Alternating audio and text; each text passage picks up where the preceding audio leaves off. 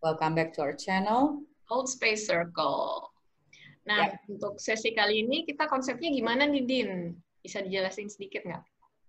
Oke, okay, untuk sesi kali ini kita bakal sharing tentang topik yang emang kita personally alami sendiri. Hmm. Berhubung ini kita cuma berdua doang, jadi kita ngomong sesuatu yang emang kita bisa relate lah.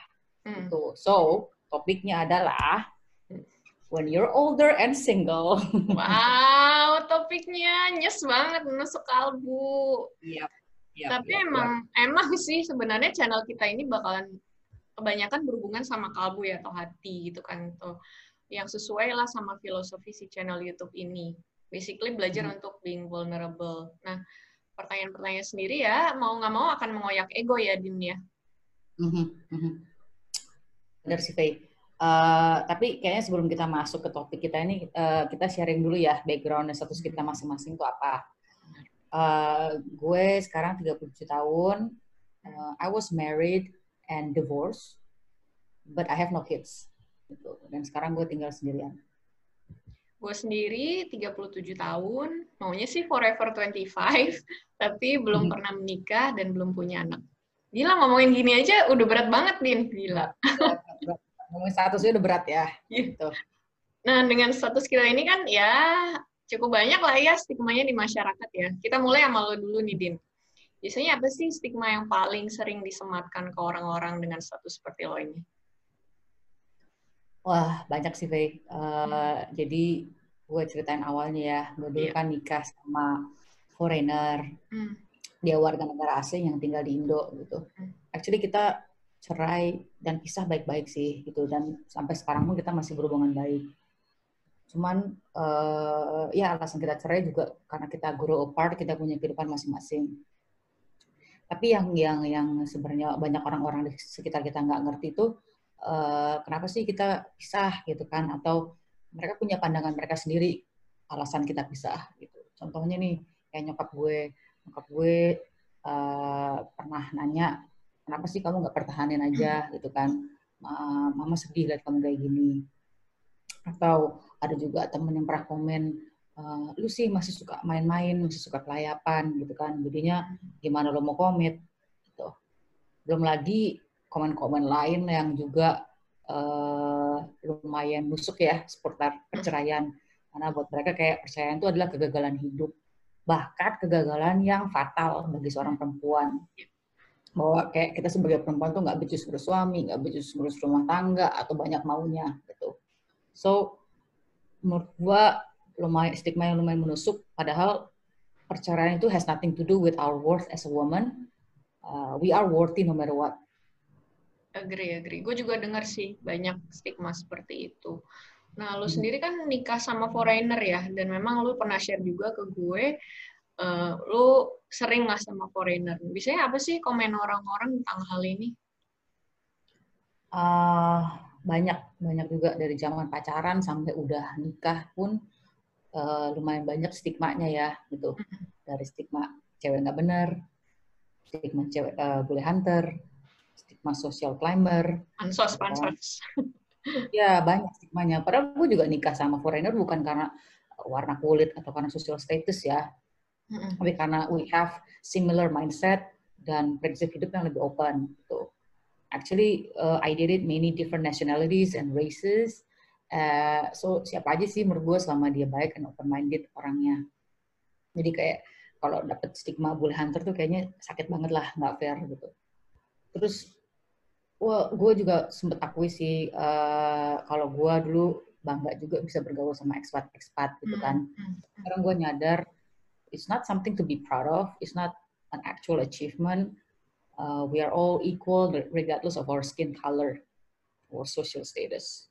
Iya, yeah, iya. Yeah. It's good sih, Din, that you are aware ya kalau pandangan lo tentang hubungan dengan foreigner ini juga grow lah ya, bertumbuh. Yes. Nah, dari sekian banyak stigma yang lo paparin ini, apa sih stigma atau mungkin ada hal-hal lain yang belum lo jelasin yang bikin lo kayak bahasanya triggered ya, atau bikin kayak menusuk kalbu gitu? Well, gue sebenarnya nggak terlalu worry tentang pandangan teman-teman gue hmm. terhadap gue karena gue juga dari dulu selalu open lah teman-teman gue tapi gue lebih worry sama pandangan keluarga besar gue hmm. yang nganggep gue tuh kayak udah gagal membina rumah tangga atau gagal sebagai perempuan gitu. Tapi yang lumayan nyesek sih uh, kalau lo pernah ke kelurahan nih ngurusin KTP atau ngurusin kakak, tuh statusnya lo berubah hmm. dari yang menikah jadi janda atau cerai hidup. Iya, iya. Which is kita tahu lah eh, stigma janda itu di masyarakat kayak apa kan. Benar-benar. Yang gue baca-baca nih biasanya hal yang paling menusuk kalbu atau bikin kita baper lah ya tuh biasanya emang hal-hal yang bisa kita pelajari sih dari diri sendiri gitu dan sering kali trigger itu muncul karena adanya benturan-benturan sama pemikiran yang udah kebentuk dari kita kecil. Nah selama pandemi ini terus terang gue jadi hobi nih observasi diri ya karena kan lebih banyak waktu buat sendiri apa sih yang bikin gue baper, apa bikin marah atau happy, coba mati tanpa uh, eh ada perasaan menghakimi gitu. So our trigger is actually our teacher. Nah menurut lo gimana nih Din? Kira-kira kenapa nih trigger lo ngebuat lo ngerasain apa yang lo rasain? Uh, I think uh, buat gue trigger terbesar gue adalah fear of rejection. Gitu. Gue takut di reject, nggak diterima sama keluarga gue, atau gue dianggap beda sama keluarga besar gue dengan status gue ini. Gitu. Walaupun in reality, I'm actually a lot happier and a lot more stable than I was before hmm. gitu. Tapi yeah. kadang orang mungkin nggak ngelihat ya sisi hmm. itu. Tuh. So whatever people thought of me, gue sekarang belajar untuk menerima status gue gitu. Dan dengan situ gue otomatis juga belajar menerima pandangan-pandangan orang yang berbeda-beda tentang gue. Oke okay, oke. Okay. Nah kalau lo bisa kasih pesan nih, Din, buat orang-orang yang kondisinya atau statusnya sama kayak lo, kira-kira lo mau share apa, Din? Sure. Um, menurut gue, never ever thought that you're a failure. Uh, percayaan perceraian itu bukan refleksi kegagalan lo sebagai perempuan. Menurut gue justru ini bisa jadiin strength lo, bisa jadiin pembelajaran lo untuk lebih tahu tentang diri lo, mana yang cocok buat lo, mana yang nggak cocok, gitu kan.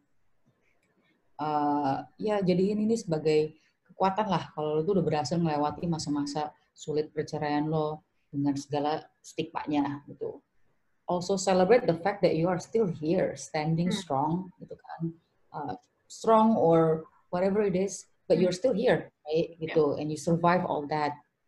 So jangan khawatir sama pandangan orang lain, karena no matter what orang akan selalu punya pandangan uh, diri mereka masing-masing, dan kita juga nggak akan bisa merubah pandangan orang lain terhadap kita, gitu. So yang paling penting menurut gua adalah gimana lo mandang diri lo sendiri, ya yeah. kan?